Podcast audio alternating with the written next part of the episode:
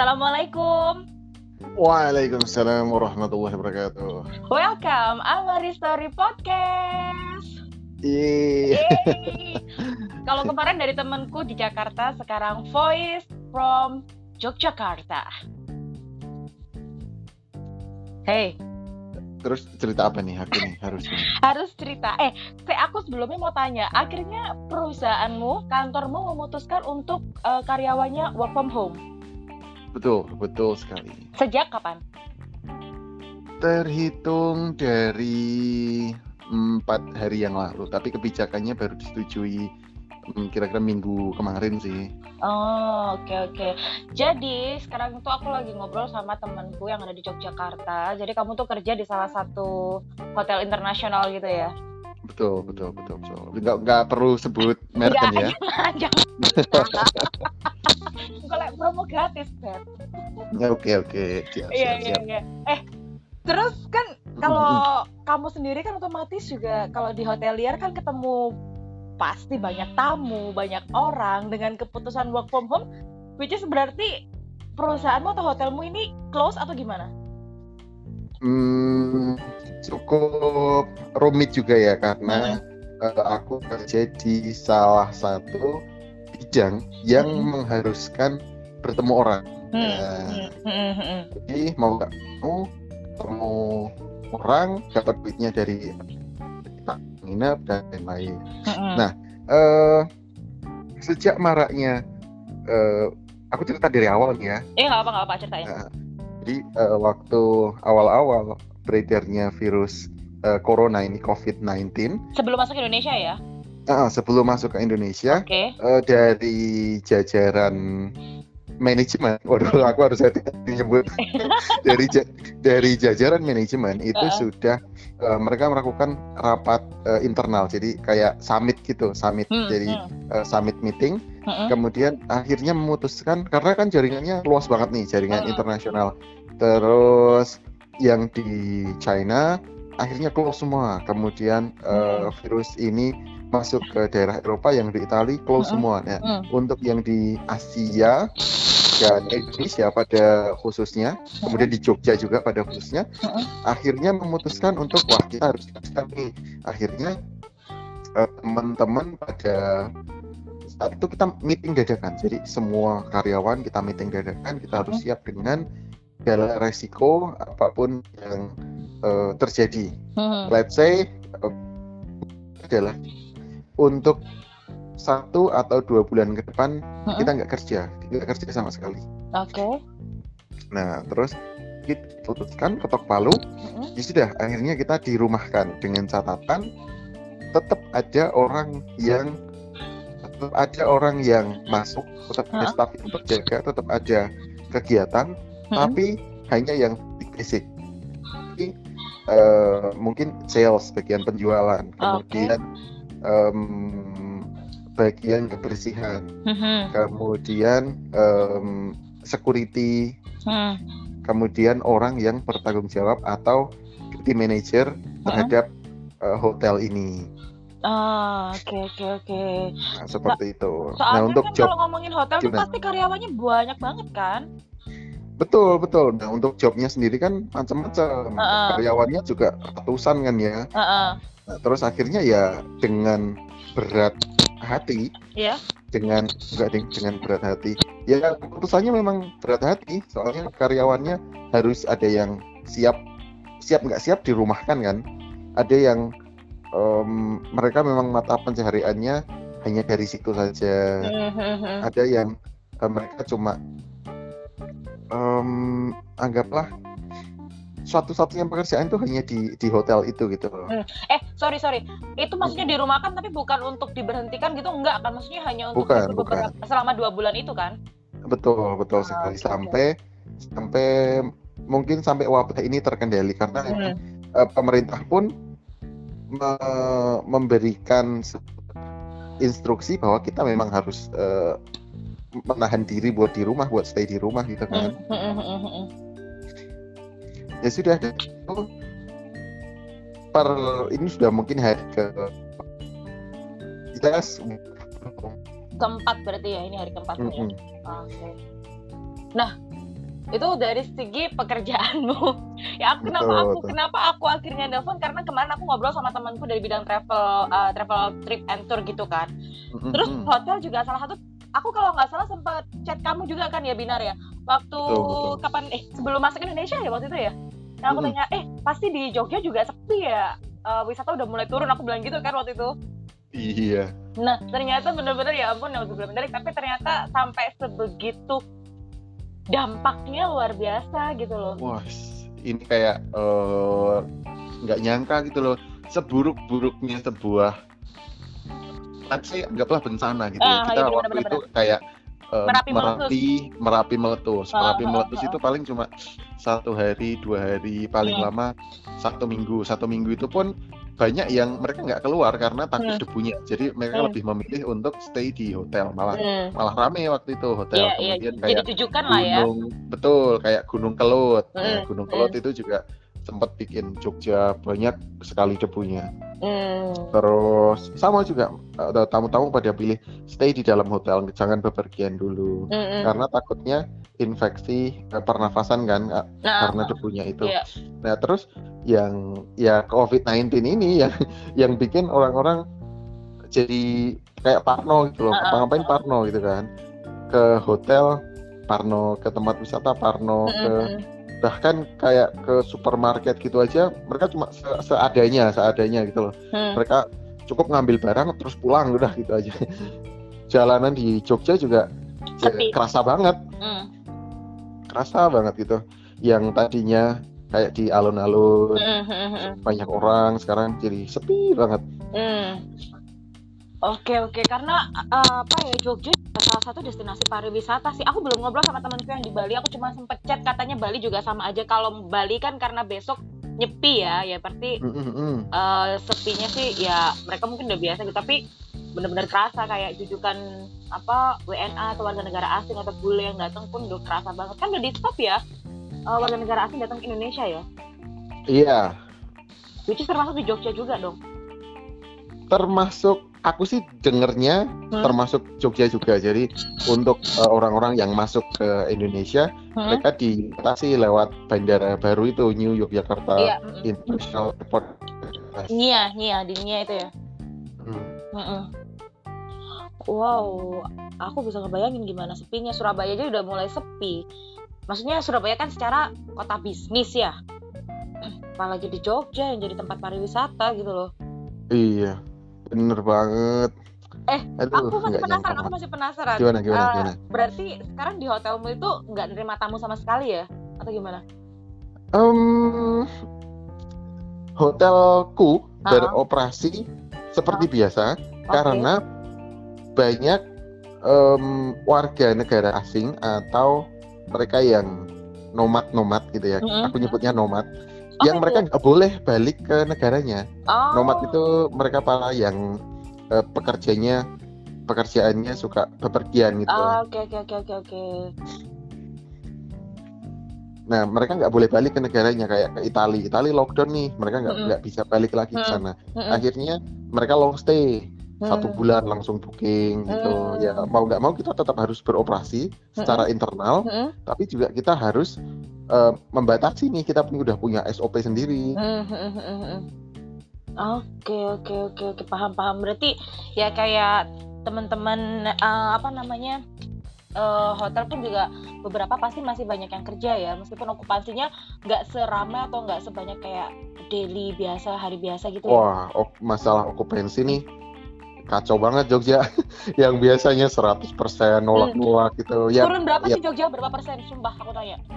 Eh, Jatim 60 persen loh pariwisata parah nggak? let's say tempatku anggaplah biasanya antara 80 sampai 100 persen nih. Hmm, hmm, hmm, hmm. Sekarang jadi 20 persen, 30 persen. Iya beneran. Ya Allah. Itu turun Anjlok banget. banget. mm-mm. Banget banget banget. Dan Iya. beberapa hotel di Jogja juga udah pada tutup gitu loh. Mereka tidak melakukan operasional sama sekali karena Wow. nggak nggak ada tamu yang menginap, nggak ada nggak ada orang yang walk in. Jadi ya sudah tutup hotelnya tutup dulu satu bulan. Wow, wow, wow. kebayang kan hotel di Jogja Iya. ada berapa? Iya. Astagfirullahaladzim. Eh, sumpah ya, aku tuh yang masih deg-degan sampai sekarang ya, Bin. Eh, apa tuh Prambanan Jazz eh Prambanan apa? Jazz Festival. Mm, mm. Itu aku masih deg-degan sih ya ampun semoga cepat berakhir. Jadi supaya acaranya itu nggak sampai di cancel atau di reschedule. Ah, tidak. Nah, itu dia masalah eh, ngomong-ngomong masalah Eh, event yang di cancel, mhm. banyak banget event lari yang akhirnya Oh iya iya. ya Mhm. di di cancel semua. Hmm. Kayak mungkin ini eh, yang paling dekat ya em, Prambanan Mandiri Marathon gitu ya. Nah, Itu udah cancel ya? udah cancel akhirnya diundur jadi Agustus. Ah, tapi kan kita belum tahu ya. Semoga sih udah udah berakhir lah ya. Iya, benar semoga harapannya sih kayak gitu. Kamu event lari terakhir yang kamu ikutin tuh kapan? Hmm, Volcano Run. Kira-kira iya bulan bulan lalu sih. Bulan lalu itu masih belum eh udah udah udah udah mulai wabah tapi belum masuk Indonesia ya? Ya, udah wabah tapi belum masuk Indonesia. Ah, oke oke oke. Itu pasti Dan eh, itu juga akhirnya jadi tolok ukur bahwa apakah mungkin sebuah event olahraga Heeh. itu mampu menularkan eh, COVID-19 juga. Tapi akhir alhamdulillah sampai sekarang nggak ada catatan gitu loh bahwa yang peserta yang mengikuti Volcano Run kemarin Heeh, heeh. eh, terinfeksi eh, COVID-19. Ah, Oke. Ya syukurlah. Tapi kan memang ya kita tahu sendiri lah banyak acara-acara olahraga baik apa pun bidangnya kan ya kayak IBL, terus kayak bola juga, basket, running apa pun tuh kayak banyak yang akhirnya ya ya mau nggak mau harus di cancel, diundur Iya ya kan. benar. Sampai bener liga-liga luar negeri juga kan. Mm, mm. Ah, sepi banget ini sekarang. Iya. Aduh. Nah, aku kemarin aku ngeliat postinganmu gitu loh. Maksudnya aku seneng Hmm. dengan teman-temanku yang work from home dan kalian itu bener-bener positive activity banget di rumah kayak gitu.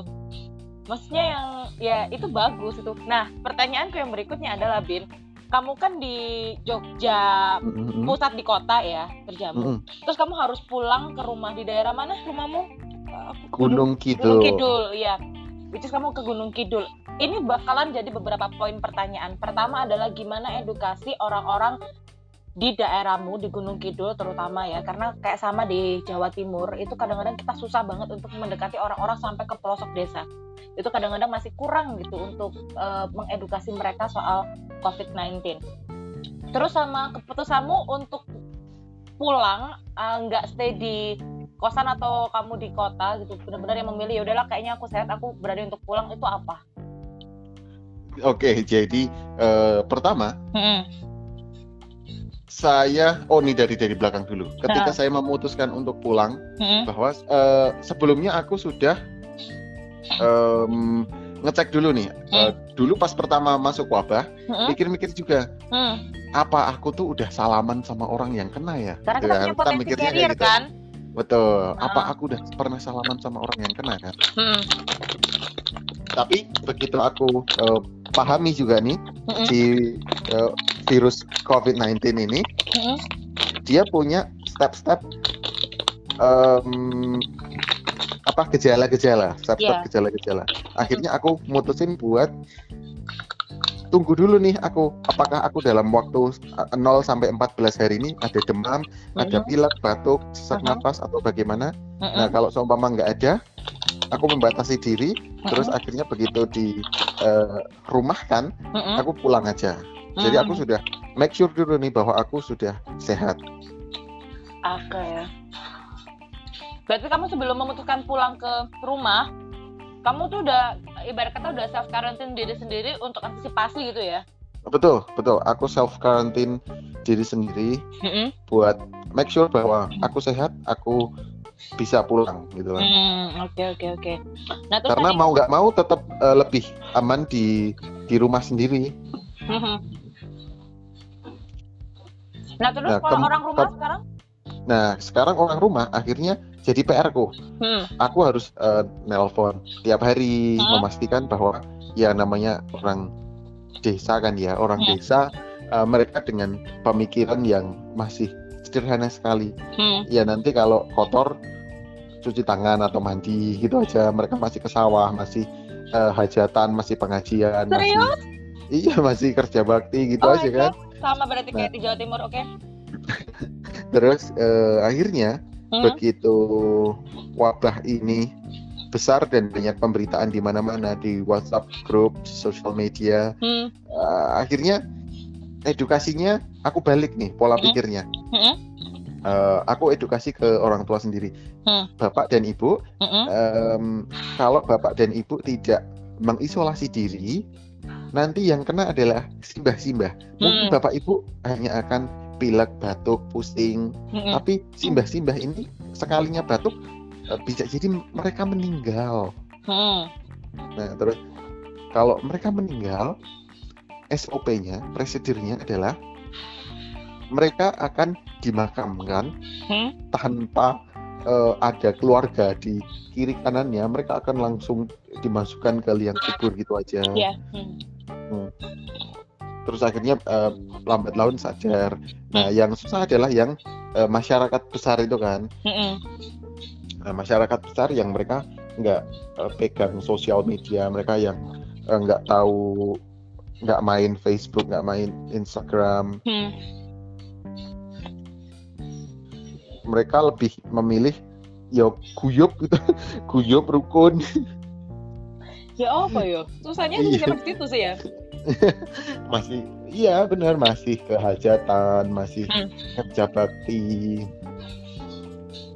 Berarti problematikanya sebenarnya sama sih. Mungkin akan dialami oleh seluruh eh, pelosok desa yang ada di Indonesia kali ya. Betul. Nah akhirnya se- eh, dari polsek terdekat Hmm. mereka eh, keliling-keliling nih untuk memberi sosialisasi bahwa eh, tidak perlu berjabat tangan Hmm. bila bertemu dengan eh, orang-orang nek ketemu tonggo teparo rasa salaman wis Hmm. cukup ngucapke salam wae woi piye kabare apa kepiye ngono kan. atau gimana gitu bisa Itu nggak di nggak ada penolakan gitu. Tapi gak bisa tuh ya kayak apa gitu loh. Maksudnya kayak sing. oh Ya, enggak Pak. karena Iya. eh namanya orang desa mereka masih masih apa ya ngajeni masih menghormati Hmm. eh, instansi kepolisian Oh, gitu. Jadi oke oke. kayak dokter, mantri, Oh. polisi kayak gitu tuh mereka masih kayak di di diajeni gitu. Hmm. Itu mungkin bedanya sama orang desa dan juga orang kota. Orang kota dobrak polisi, Bes. Waduh. Jadi guyoni polisi nih. Sedih kan? Iya. Lanjut.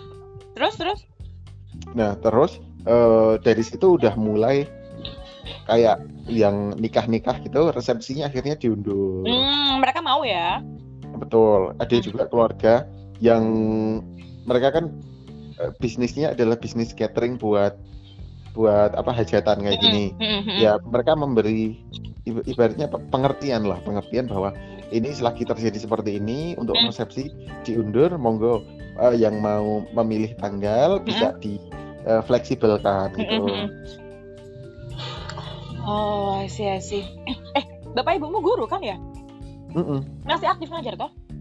masih masih SMP, di SD WSD. Sekolah kan otomatis libur ya. Tahu nggak kalau ujian nasional dihapuskan tahun ini?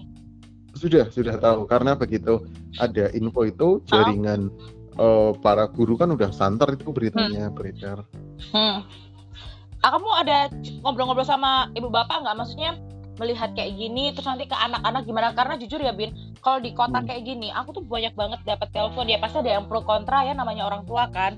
Jadi tuh mereka kayak ada gitu ketika aku membuka topik ini di on airku aku siaran. Ada yang pro, ya ada yang kontra, kontranya sampai bilang, ya anak-anak tuh kalau nggak belajar terus mau jadi apa? Which is kalau menurut aku sih, ya ketika anak-anak belajar di rumah itu tanggung jawab full orang tua ya kan. Toh betul guru betul udah ngasih tugas secara online, mungkin secara mandiri kayak di WhatsAppnya. Ini loh PR-nya anak-anak, ibu-ibu, bapak-bapak harus kerjakan, dikumpulkan ya kan? betul betul Hmm, ya oh itu ada sih obrolan kayak gitu ada sama orang tua yang akhirnya eh, ini adalah salah satu momen Hmm. menjadi tolak ukur bahwa anakmu tuh bisa kamu ajar atau enggak sih nah gitu. Hmm. kalau kalau dari dari sisi guru kayak gitu anak anakmu tuh bisa kamu ajar atau enggak sih Hmm. kamu tuh sebenarnya memposisikan sekolah sebagai tempat penitipan anak atau bagaimana gitu. Hmm. Nah, jadi eh, kapabilitas orang tua Hmm. tentang edukasional akhirnya di, diukur lewat eh, event ini, lewat event belajar dari rumah ini. Oke. Nah, kalau dari dari guru sendiri Hmm. ya mereka tetap aktif mengikuti perkembangan via grup-grup WhatsApp Uh-uh. lewat lewat eh, apa ya mungkin kelas-kelas online kayak gitu Mas- Hmm. mereka masih aktif Hmm. mereka masih dapat eh, laporan lewat WhatsApp WhatsApp oh ini si eh, murid ini sudah selesai murid ini Hmm. sudah selesai murid ini sudah selesai gitu Hmm. Eh tapi berarti meskipun di kayak di sekolah di daerah Gunung Kidul pun juga sama ya semuanya sistem pembelajaran lewat online ya. iya iya karena sebagian dirumahkan sih Hmm. yang yang hari ini masih aktif itu mungkin mereka yang tryout tryout SMA itu masih masih aktif kayaknya Oh ya boleh masih. Heeh. karena jaringan kan nggak semua punya eh, komputer di rumah kan Hmm, akhirnya mereka harus ke sekolah buat tryout online makanya SOP-nya juga cukup ketat jadi ada ada ibaratnya jarak duduk mereka kayak harus satu meter satu meter Hmm. Wow, ini buka buka wawasan aku baru lagi karena mungkin selama ini aku berkutatnya sama teman-teman yang ada di uh, kota, jadi mereka Kota ya. punya akses punya akses internet yang ya udahlah semua terjangkau gitu kan, semua bisa mereka punya PC, mereka punya uh, tab, tablet, laptop iya ya betul kan? betul Oke, apalagi kalau di desa-desa mungkin ya sama mungkin di Jawa Timur di beberapa pelosok-pelosok yang nggak memungkinkan untuk bisa terakses internet ya mau nggak mau harus datang ke sekolah. Bener, bener banget.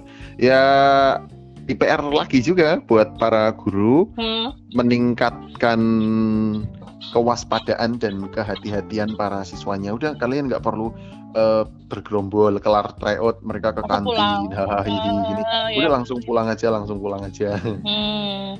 Ya tapi bapak ibu ini di rumah atau masih ada ke sekolah? Di rumah, di Hmm. rumah semuanya sudah di rumah. Hmm. Eh, tinggal dapat laporan dari apa ya namanya eh, school guard dari penjaga sekolahnya. Hmm, oke. Adikmu di rumah kan ya? Di rumah semua. Wow. Kadang tuh kayak aku mikirnya apa ya? Aku tuh salut loh sama kalian-kalian yang masih bisa, ah, maksudnya kalian-kalian yang berkesempatan untuk tinggal di rumah gitu loh dan bener-bener mengikuti Mhm. arahan-arahan gitu. Karena sedih banget. Aku nggak tahu di Jogja gimana. Masihkah ada yang bandel-bandel kayak gitu? Em, untuk di Jogja Hmm. di sini aku lihat nih ya, aku lihat dengan Oh. perbandingan kota-kota lainnya, Ya. Di sini cukup bisa dikontrol karena Hmm. seperti itu tadi polisi di sini ada harganya gitu, jadi mereka mereka tuh ngadeni ngadeni polisi, ngadeni pamong dan Hmm. lain-lain. Mungkin terbentuk dari culture kali ya. Bisa jadi, bisa jadi. Aku lihat laporan dari teman-teman Hmm. yang di Jakarta mereka yang masih pada nongkrong Iya, iya, nongkrong. iya, bener-bener. mereka masih kuliner, mereka yang dikasih eh, libur buat stay di rumah malah piknik. Hmm. Makanya aku sedih gitu loh rasanya. iya, iya. Kadang yang membentuk eh, sifat menghargai itu bukan edukasi tapi dari culture ya. Ha-ha. Gimana culture-nya seseorang, gimana mungkin dia tinggal di daerah mana, seperti apa bawaannya juga. Hmm. Tuh, tuh. Nah, terus kamu kayak sekarang eh, kamu ya balik ke rumah di desa juga gitu di Gunung Kidul. Ada nggak kayak Hmm. kamu apa namanya? hmm, eh, apa yang orang itu? Uh, Astagfirullahaladzim aku lupa. Karang Taruna. Yang Ada, kalian ada, kayak- yang ada. kalian tuh kayak bikin gerakan untuk ngasih tahu ke warga-warga juga ke se- sesepuh-sesepuh mungkin ke yang kepala kepala desa segala macam untuk ayolah paling nggak di lingkungan tempat tinggalmu tuh sama-sama di kecamatanmu atau kelurahanmu itu kalian tuh bener-bener aware sama COVID-19 ini gitu. Ada, ada. Hmm? Em, Karang Taruna di sini Hmm? bekerja sama dengan eh, Polsek buat Mm-mm. ngadain eh, penyuluhan, penyemprotan, masjid, balai Mhm. desa, dan tempat-tempat umum lainnya. Oke.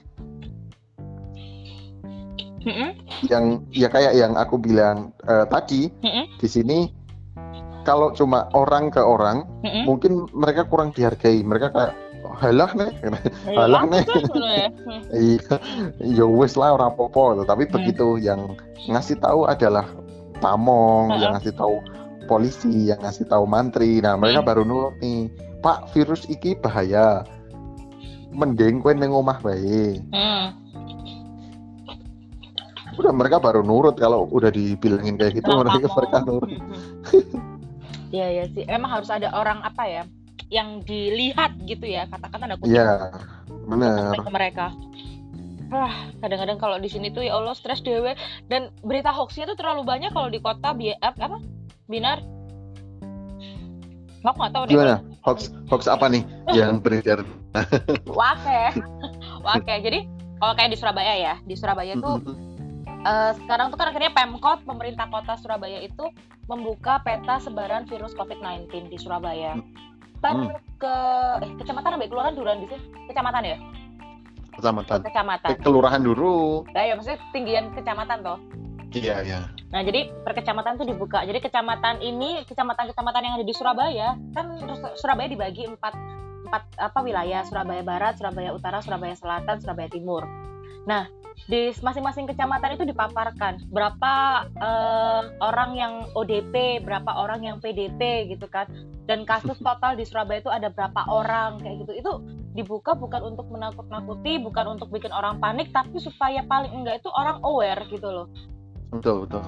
itu penting. Nah, tapi karena ya entah hebatnya masyarakat plus 62 atau seperti apa ya, ada kemarin itu salah satu kasus positif di daerah aduh Gunung Anyar kalau nggak salah aku lupa. Iya, di daerah kawasan itu. Gunung Anyar. Ya, seingat aku di situ. Tapi berita yang meluas itu, waduh, hoaxnya nggak karu-karuan. Padahal orang itu sudah ditangani, tapi yang menyebar katanya ada lagi keluarga yang terkena terjangkit meninggal terus satu keluarga diisolasi terus nggak boleh didatengin daerah itu wes gak karu-karuan dan itu banget nyebarnya Kalau hoax seperti itu ya mungkin ada sih beredar. Kemarin itu yang begitu rame itu kan Mm-mm. begitu ketemu satu satu yang positif Mm-mm, yang di UGM itu guru besar UGM mm-mm, mm-mm. Te- terus begitu la- langsung rame nih langsung rame. Pokoknya eh, masyarakat Jogja tuh kayak kayak kena pukulan banget gitu loh. Soalnya Jogja adalah di mana kota-kota lain ini sudah aware mereka sudah mengumumkan ini berapa Mhm, suspeknya ini Mhm. berapa suspeknya ini berapa suspeknya. Jogja masih nol waktu itu. Mhm. Nah, tapi begitu muncul Jogja ada yang positif, waduh, langsung Malioboro sepi, semua semua sepi, udah langsung langsung drop banget. tapi Pak Gubernur Jawa Tengah juga orangnya ini banget streng banget kan Mm-mm. maksudnya beliau juga ke bawahan-bawahan maksudnya kayak ke daerah-daerah pun juga ini banget kan gencar banget gitu loh Iya benar benar. Pak Ganjar Pranowo. Mm-mm. Ya sama sih aku juga kayak di sini Buko Viva pun juga waduh karu-karuan kalau untuk ngedukasi masyarakat sampai ke pelosok-pelosok dan kalau aku sedikit curhat ya mau nggak mau kayak aku kerja di media Mm-mm. itu ya nggak bisa kita nggak bisa off kita harus tetap on karena kita jadi rujukan jujukan mau nggak mau gitu sih Betul betul. Garda depan pekerjaan. informasi ya. resiko pekerjaan tapi ya udahlah aku aku aku lillahi ta'ala aja gitulah wes Kamu tetap stay hygiene ya di sana ya. ya harus harus sumpah itu protokolnya sekarang luar biasa. Sampai ditanyain kamu tadi di kosan ngapain? Kayak sekarang kan lagi off libur memang hari liburnya kan itu Benar benar benar. sampai ditanyain kamu hari ini nggak ke mana-mana kan? Gitu. Enggak aku nggak ada adegan ke mana-kemana aku juga nggak ada janjian ketemu narsum. Biasanya kan kalau libur aku suka nonton kak ngemol kayak apa-apa mau ketemu narsum. Itu bener-bener sekarang mereka nanya di kantor kamu hari ini apa agendamu? Kamu lapo lapo lapo enggak oh, nggak ngapain aku di kos aja. Eh, bahkan eh, aku ngasih tahu ke teman-temanku Hmm. cara paling gampang buat ngecek histori kamu adalah Hmm. kamu tiap ngapa-ngapain udah bikin story aja biarin aja kalau storymu tuh bakal jadi eh, banyak mau jadi titik-titik Hmm. biarin aja nggak apa-apa toh juga itu disediakan gratis oleh sosial media kalian udah nggak apa-apa setiap mau ngapain mau eh, di mana atau di titik-titik penting udah kalian bikin story aja. Hmm. tujuannya apa? Kalau kalian terjangkit terkena Hmm. itu gampang gitu loh ngeceknya. Kamu ngapain aja kira-kira? 10 hari yang lalu gitu kan? Hmm, hmm, hmm, hmm. oh aku di hajatan nih. Oh aku di tempat party teman gitu kan. Hmm, jadi hmm, tahu. Kalau aku tuh susah bi, jadi em, pertama aku pasti masih bakal ketemu dengan beberapa narasumber, beberapa Mhm. orang yang akan lalu lalang ke kantorku. Meskipun sekarang protokolnya sangat luar biasa ketat karena kita tidak menerima tamu selain itu memang narasumber yang sudah terjadwal. betul betul Itu betul benar-benar ditanya kemarin, ayo na- eh, talk showmu hari apa aja yang reguler, siapa narasumbermu harus sudah jelas, narasumbermu nanti Hmm. bawa orang apa enggak itu harus sudah sangat clear up banget gitu kan.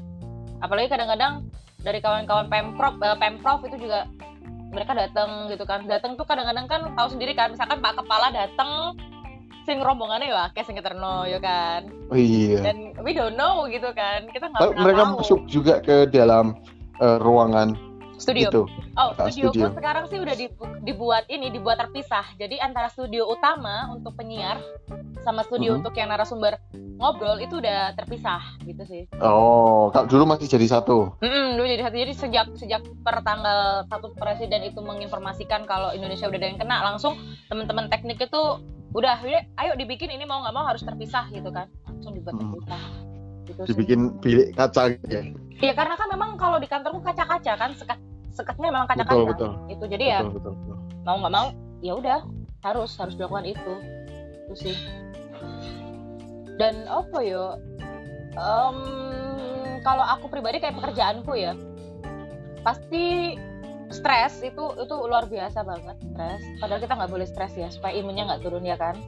Iya, kamu jangan stres ya. Ya Bismillah enggak sih.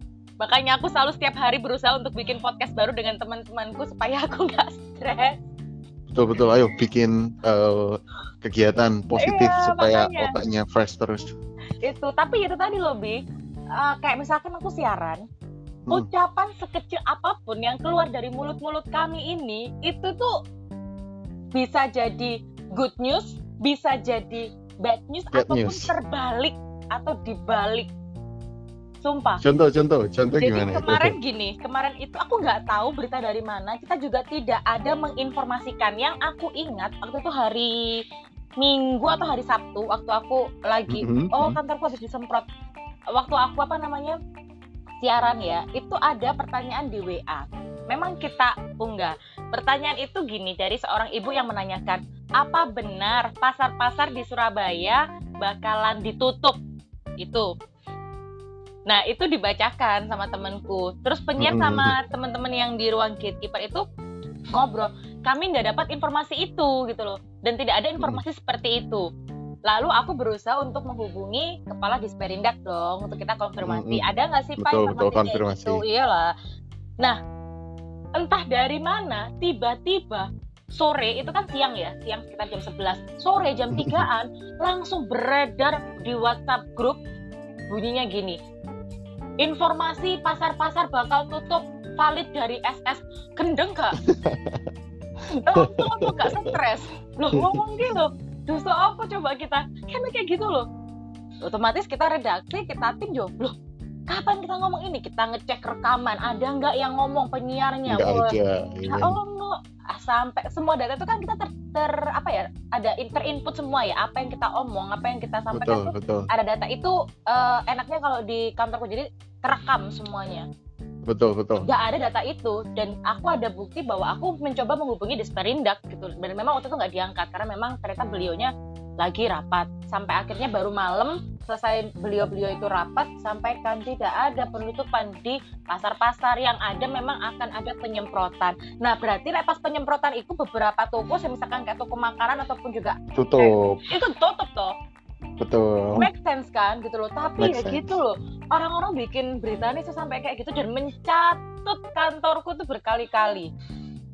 Berkali-kali. Itu itu contoh kecil ya. Dan berita-berita yang lain valid dari SS ya Allah Tuhan dusu apa saya kantorku iki? Aku terus akhirnya uh, harus kerja dua kali bikin klarifikasi. Betul. Eh, bukan dua kali lagi. Kayaknya kita lima kali lipat harus ekstra gitu loh.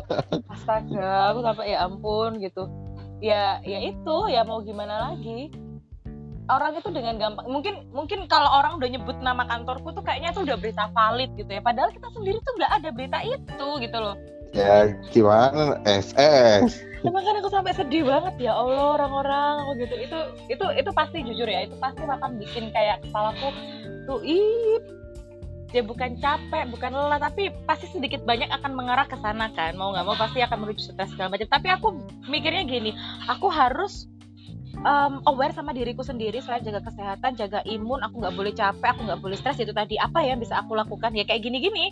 Aku nelfonin teman-temanku aku nanyain teman-temanku yang ada di Jakarta di Bali kayak kamu yang lain-lainnya lah. Palingnya kita bisa sharing aku bisa dapat informasi baru gak bikin stres kayak gitu betul jaga kesehatan mental akhirnya kalau yang uh, work from home mm -hmm yang diserang uh, mental block ya, mental hmm. block jadi boring terus hmm. akhirnya kreativitas mereka uh, mampet mati kayak gitu hmm. yang di, cuma diisi setiap hari dengan berita-berita COVID-19 hmm. mereka bukan uh, stres karena karena terpapar sakit tapi stres karena mikirin berita ini takut uh, gitu. uh, uh, uh, uh, bener.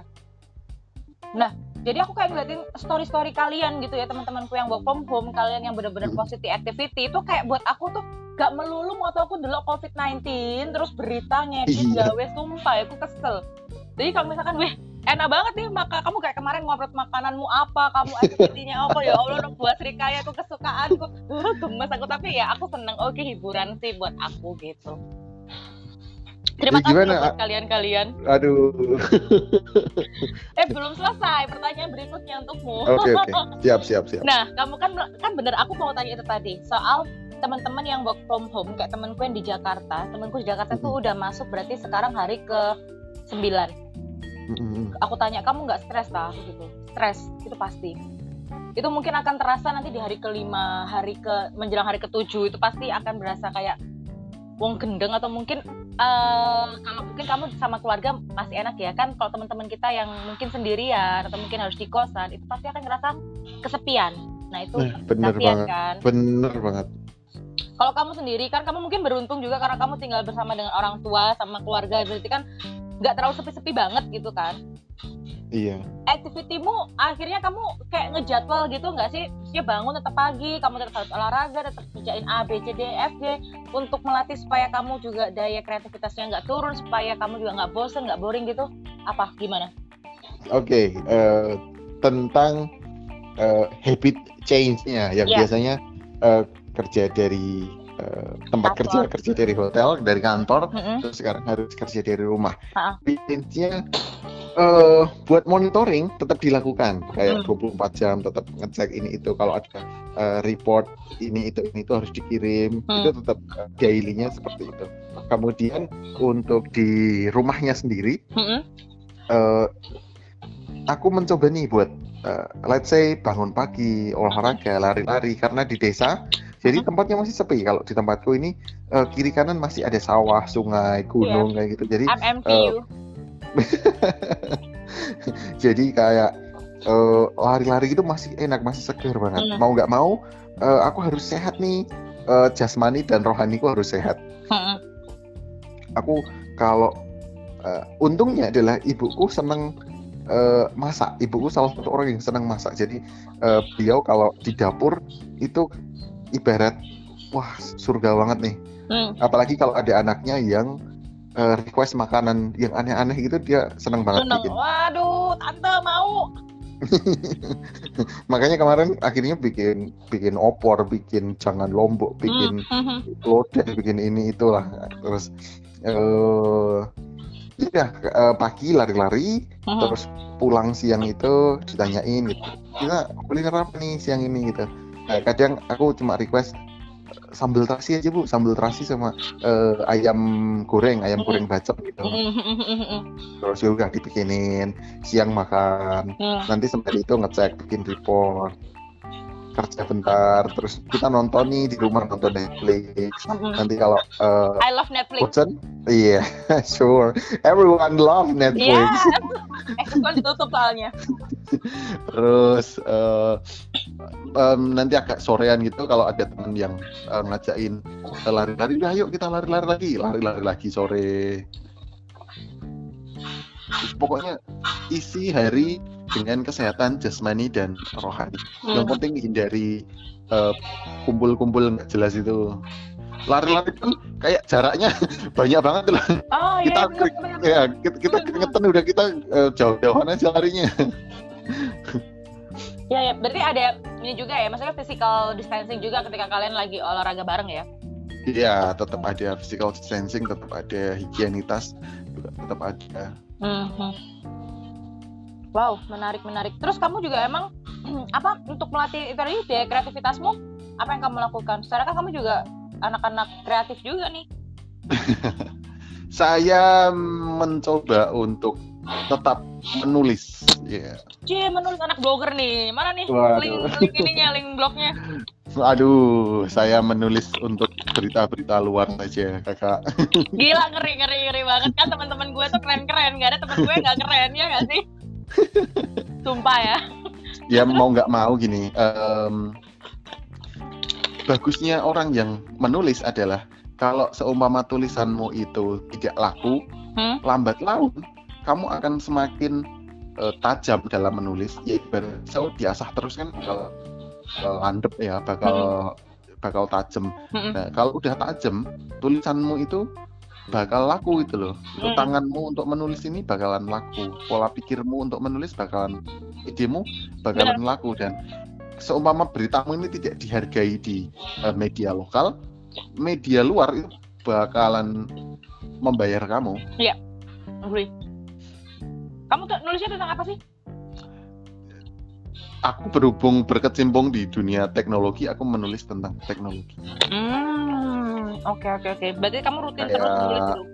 Iya, kayak salah satu portal kayak berita teknologi kayak eh, boleh nyebut nggak sih? Nggak apa-apa, nggak apa-apa, apa. Oh nggak apa-apa kayak eh, Tech in Asia Hmm. kayak gitu. Oke. Ya beberapa di berita-berita seperti itu ada beberapa yang em, mereka memang mereka memang membeli tulisan gitu loh. Mereka Hmm. memang membeli tulisan jadi memang tidak boleh dipublish bahwa aku adalah penulisnya. Oh oke. Oh baru tahu aku. Berarti mereka kayak beli tulisan dari orang tapi itu dis- disebutkan sumbernya dari seakan-akan mereka yang bikin gitu. Iya, Ah, jadi sip. kalau ibaratnya kayak Kompasiana mereka kan eh, kayak redaksi gitu ya. Mhm. Aku redaksi mereka. Oh. Kalau kayak portal-portal berita besar enggak mereka mereka membiarkan kamu menulis, kamu kirim, beritamu dibeli itu jadi hak milik mereka. Om, oke. Wow, menarik ya. Ya, gimana dolar makin naik, Parah cari bayaran dolar dong. Kaget dong aku kemarin gila angkanya Astagfirullahaladzim.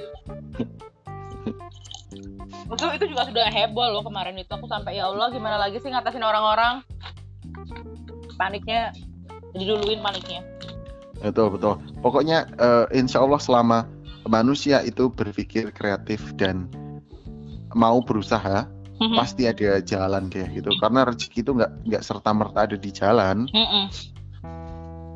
Iya sih bener kita ya kalau aku sih mikirnya lebih kayak ke ya di tengah-tengah kayak pandemi sekarang sih yang dibutuhkan tuh otak logis sekarang itu Betul betul. Yang dibutuhkan otak logis. Jangan jangan eh, hanya mencela, jangan hanya berpikir yang takut-takut. Udah, eh, kamu harus tetap stay stay hygiene, tapi juga tetap harus berpikir kreatif karena seumpama kamu eh, nggak nggak mulai berpikir kreatif sejak saat ini, lambat laun kamu bakalan kena mental block dan itu bakalan Really? menghambat kreativitasmu banget. Mm-mm. Jadi apa ya nggak cuma ibarat maksudnya tuh hashtag di rumah aja tuh nggak cuma sekedar rebahan gitu loh. Iya betul nggak cuma sekedar rebahan kamu bisa eh, dari hal kecil gitu aja. Kalau kamu punya peliharaan, udah kamu videoin peliharaanmu, upload di YouTube Iya, iya, gitu iya. keseharian gitu aja. Kali aja memang rezekinya dari situ. Who knows kan? Iya, bener. Kalau kamu memang jago nulis, udah eh, tulis aja anything, anything tulis. Bener-bener. Ya kayak yang aku lakukan sekarang gitu. Kemarin-kemarin aku cuma takut-takut, eh bikin nggak ya, bikin nggak ya.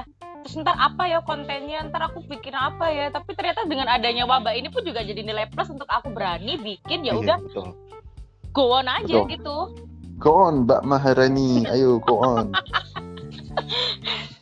tapi itulah aku aku kemarin ya Bin aku aku selalu curhat sama teman-temanku ketika mamaku Mm-mm. bilang ya udah kamu nggak usah pulang padahal jarak dari Surabaya ke Malang kan sangat dekat sekali Betul, kata betul. mamaku bilang ya udah sih nggak usah pulang di sana aja kamu istirahat. Takutnya ntar kalau misalkan kamu pulang kamu juga naik public transportation kamu naik bis atau naik kereta kita kan nggak pernah tahu juga ya. Betul, betul, jadi betul. mamaku menyarankan untuk ya udah pokoknya di rumah aja susah ke mana-mana. Selama ini memang sampai ntar kalau udah reda baru ya wes pulang. Tapi tuh jujur ya aku sebagai anak kosan anak rantau dengan PR kantor yang begitu banyak kadang-kadang ya itu tadi pasti akan ngerasa I'm so lonely Iya. nggak ada kucingku ya kan siapa yang mau aku ajakin main ya gitulah Ya, eh, mau nggak mau kita juga harus menyikapi wabah ini, wabah COVID-19 ini dengan hati yang hati yang gembira lebar ya, hati Ya. yang lebar-lebar hati. Harusnya legowo, legowo. Bahasa Jawa ini legowo. Hmm, temenan. Wow, menarik memang ya. Gara-gara bencana ini tuh bukan eh bencana sini ya. Tapi banyak Mhm. hal-hal positif loh yang bisa kita petik Yang ya akhirnya eh, masyarakatku mereka tahu nih pentingnya cuci tangan yang biasanya Iya, mereka habis pulang dari sawah mereka langsung makan mereka cuma cuci tangan Oke. seadanya sekarang udah mulai pakai sabun. sabun. Bener sih. Ya itu emang penting. Jadi kayak mengembali mungkin ya dengan adanya corona ini mengembalikan habit-habit baik yang sempat diabaikan masyarakat kita. iya bener bener banget yang tadinya nih tadinya di desaku itu orang lari-lari itu kayak hal hal sedikit gitu loh mereka Ah. cuma orang-orang muda sedikit yang lari-lari Ah. sekarang akhirnya banyak nih pagi-pagi yang eh, mereka lari-lari Hmm. Berarti kamu juga sedikit banyak untuk membuat running goals juga ya di tempatmu. Well, iya, saya saya menjadi penggerak lari-lari di. Wow, menarik sih. Eh, tapi kalau di Gunung Kidul sendiri, itu kan juga ada beberapa tempat destinasi wisata juga ya. Mm-mm. Itu udah gimana? Udah tutup-tutup semua juga? Wah, tutup banget Mbak Maharani. Kayak di pantai nih, anggaplah kayak Pantai Baron. Aha. Itu mereka sepi banget, sepi banget, benar-benar sepi. Karena itu pantai pemerintah. Hmm? Pemerintah sudah menyarankan untuk Tutup. memang ditutup ya, ditutup operasionalnya ditutup. Tapi orang-orang di situ kan eh, mereka tinggal di pesisir. Ah. Jadi kayak kunjungan, anggaplah kunjungan keluarga, tonggo teparo, aktivitas desa kayak gitu masih masih ada oh. dan dan mereka yang kurang sosialisasi, yang mereka kurang pemahamannya, mereka masih melakukan kayak jadi lanreokan, syukuran kayak gitu masih Oh, masih dilakukan. Oke, oke, oke. Anggaplah kayak di Jogja kemarin, Heeh. eh kebudayaan di Jogja Mm-mm. mereka masih kayak bikin sayur lodeh tujuh macam kayak gitu buat menangkal penyakit, Serius? menangkal wabah. Iya, Hei, mending dimakan aja kali ya daripada dibikin sajen ton lah ya. Oke. terus eh, ada eh, upacara kayak tolak bala di 0 km kayak gitu. Mereka masih melakukannya. Ya, itu culture sih, masalahnya itu budaya, men. Ya, Ya, betul. walaupun mungkin secara rasional lapo sih ngono kan ya. Gak apa-apa. Baik. Wow. Ternyata masih ada ritual-ritual yang kayak gitu ya, masih masih kalau Masih, Jogja masih ada. lekat banget ya. Iya, masih lekat sekali. Hmm. Oke, oke. Wow.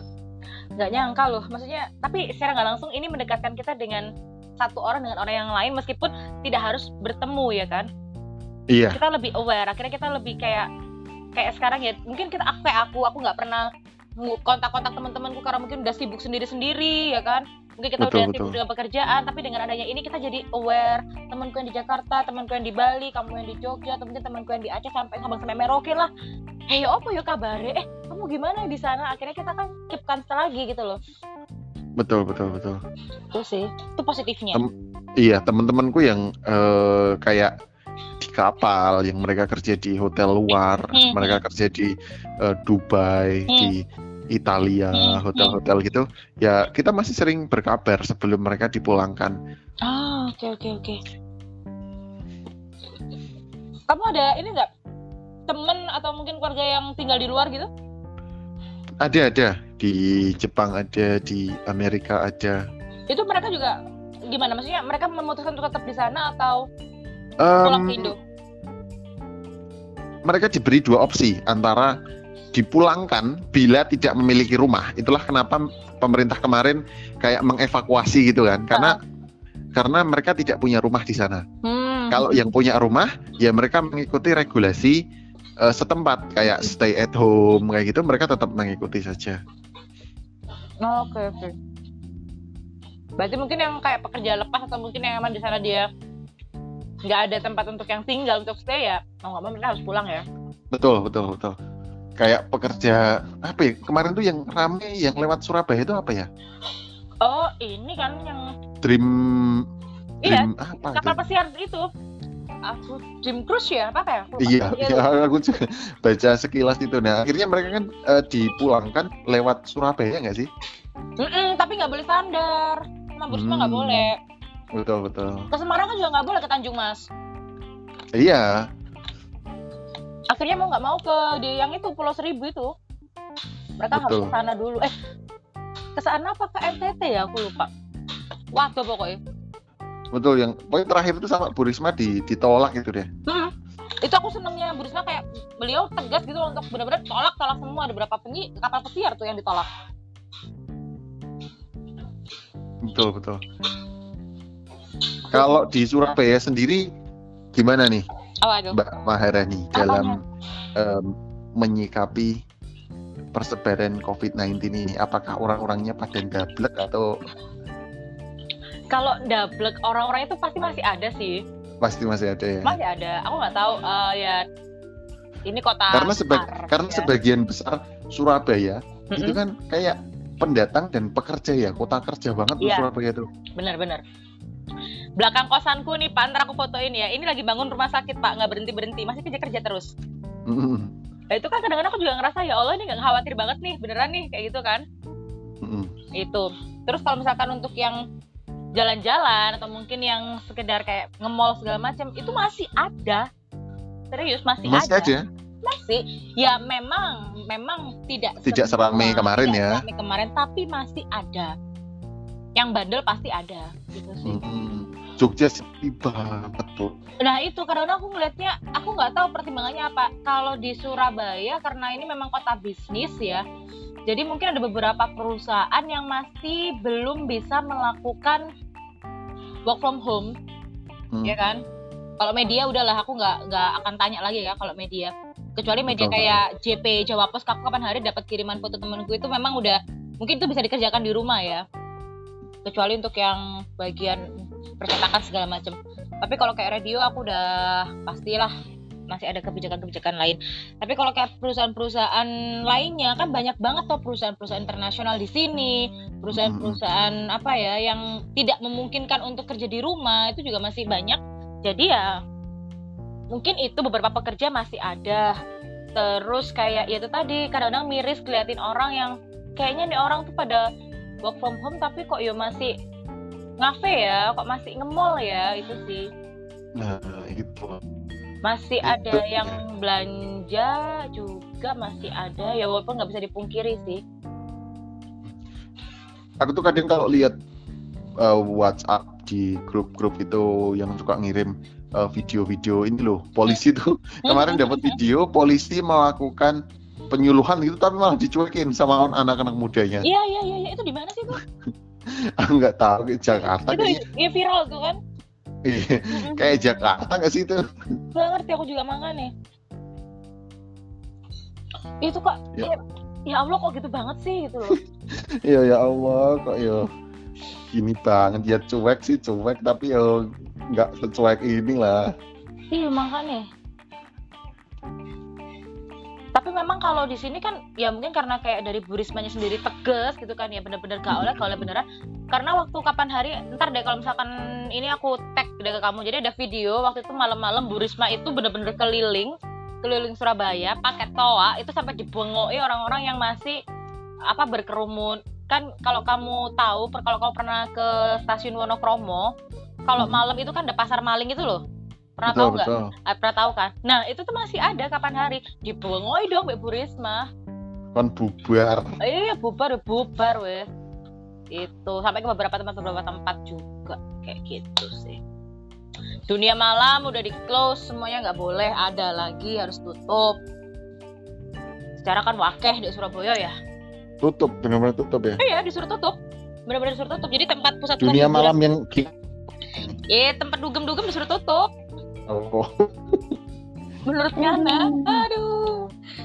Ya kan termasuk kan kalau beberapa tempat tempat apa tempat-tempat kayak kafe atau clubbing kayak gitu kan juga selain ada tempat sendiri kan juga ada beberapa yang di hotel-hotel juga kan. Aku juga belum tahu sih. Aku belum ngobrol sama teman-teman hotel yang di Surabaya. Kebijakannya kayak gimana? Kayak gitu sih. TP masih buka nggak TP masih say mall-mall masih buka karena belum ada seruan untuk yang benar-benar yang close gitu. Enggak di Surabaya cuman memang ya serba salah loh Bu Risma kan bilang Surabaya tidak akan lockdown gitu loh. Nah Bu Kofifa juga bilang Jawa Timur pun juga nggak akan ditutup karena masalahnya kami di sini itu kan pusat hilir mudiknya semua ini kan bisnis perdagangan benar impor impor itu di kami gitu. Betul sekali betul sekali. Yo susah. Bahkan eh, gerbang kemaritiman juga. di- di Surabaya. Serba salah jadinya. Tapi yo banyak pertimbangan sih memang ya banyak pertimbangan. Per- pertimbangan ekonomi khususnya. Apalagi Surabaya itu eh Surabaya apalagi Jawa Timur itu luas banget sih ya. Lah iku makanya dari rumahku ke Mhm. Jawa Timur paling dekat itu satu jam satu jam itu berarti ke ini Toma eh ke Madiun ya? Madiun ya? Ke Pacitan oh Pacitan. Oh iya ya kamu di bawah ya? Oh iya iya Iya, benar, benar, timur kan ya itu berarti di timur ya? Sekarang Betul. timur iya di timur. Wow. Tapi malah ke Jogja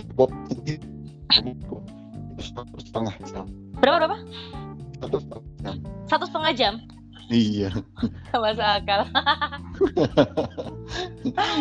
Aku lebih dekat melintasi dua provinsi daripada ke ibu kotaku sendiri. Lah iya waduh ya. Astaga astaga. Oh alah ya aku berharapnya sih ini semuanya benar-benar cepat berakhir karena ya ya apa ya? Kalau dibilang ada positifnya ada tapi ya semoga nggak jadi mudorot lah. Betul. Betul sekali. Ya semoga eh, bencana ini segera berakhir dan teman-teman bisa beraktivitas seperti sedia kala. Amin ya rabbal alamin. Baru baru lima hari ini aja baru satu minggu ini aja Hah? udah udah kerasa banget itu loh efeknya. Apa apa yang kamu rasakan? Pusing meriang demam. Ngeluh ngeluh ngeluh mbak aku mbak. Ngelune piye to yo ngeluh nggak kerja. Karena mungkin udah biasa jadi pekerja kita biasa tiap hari tuh ada aja yang dikerjain gitu kan. Iya bener. Bener. Temenan pemenang aku lah sampai misalkan ya misalkan dalam kondisi benar-benar misalkan udah krisis yang emang benar-benar untuk stop gitu kan. Ino sebelas mendalik jangan sampai ya paling aku ya Hmm. mbak aku paling uh, menggendek di kosan hibernasi gimana gimana Kalau misal, iya iya, kalau misalkan sampai bener-bener yang ibarat kata nih, bener-bener nauzubillah mendalik ya, sampai Indonesia lockdown, nggak boleh keluar sama sekali, nggak boleh ada aktiviti apa pun. iya Ya aku like menggendut deh kosan lah, stres aku. namanya WFH itu Makanya, Tuhan, from Tuhan. home work from home Aduh, aduh. Oke lah, ini jadi gak kerasa kan udah sejam kan? Kita oh ngobrol iya ya luar biasa. Topiknya menarik dan berfaedah. oke dong. jadi Last gimana gimana last statement, eh dah, buset. last statementmu dong. Untuk memberikan semangat buat kawan-kawan kita yang nanti bakal dengerin podcast kita ini. oke jadi um, ini tuh Eh bentar, suaramu hilang. Halo? Halo? halo Bentar, suaramu hilang tadi. Udah, udah, yuk. buat uh, teman-teman di luar sana work from home Mhm. uh, jangan sampai kalian kehilangan kreativitas Hmm. uh, apa pun itu menulis membaca bersih bersih rumah ngecat ngerakit motor uh, anything bikin video upload YouTube anything pokoknya jangan sampai uh, otak kalian kena mental block sehingga Mhm. tertutup tertutup jalur kreativitasnya tertutup dan buat teman-teman yang belum bisa work from home stay hygiene kerumunan kesehatan soalnya kita nggak tahu nih Mhm. Ya. Halo Bin, yoi suaramu hilang mana? hilang Iya. Wah sinyal lagi, sinyal lagi. gimana sinyalnya Nah, udah, udah, udah, udah, udah, udah. Apa apa yang pindah tempat nih ya? Aku pindah tempat deh. aku tadi sih ngomong sama sih Sampai eh, bikin konten YouTube. oke pokoknya uh, apa pun yang bisa kalian lakukan lakukan Mhm. mau itu bikin konten YouTube, menulis, membaca, eh, mandiin kucing atau berternak, berkebun, bertani, anything, anything you can do. Pokoknya jangan cuma hanya aja. Dan yang belum bisa work from home, Aha. sebisa mungkin tetap stay hygiene, Mhm. jauhi kerumunan, cuci tangan dengan sabun, jangan lupa ganti pakaian setelah bekerja Mhm. sebelum bekerja uh, anything anything tetap jaga Kebersihan dan higienitas ya. betul betul betul Wow, thank you so much buat ngobrol-ngobrolnya di Amari Story Podcast. bye bye Thank you Bidar Atmaja dari Yogyakarta. Sampai ketemu ya, sampai ketemu di Jogja. sampai jumpa Jogja, yuk, assalamualaikum. waalaikumsalam warahmatullahi wabarakatuh